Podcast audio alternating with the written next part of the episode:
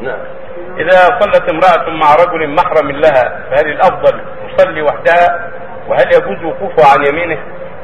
المرأة مطلقة تقف خلف الرجل سواء كان زوجته أو غيرها من المحارم تقف خلفه.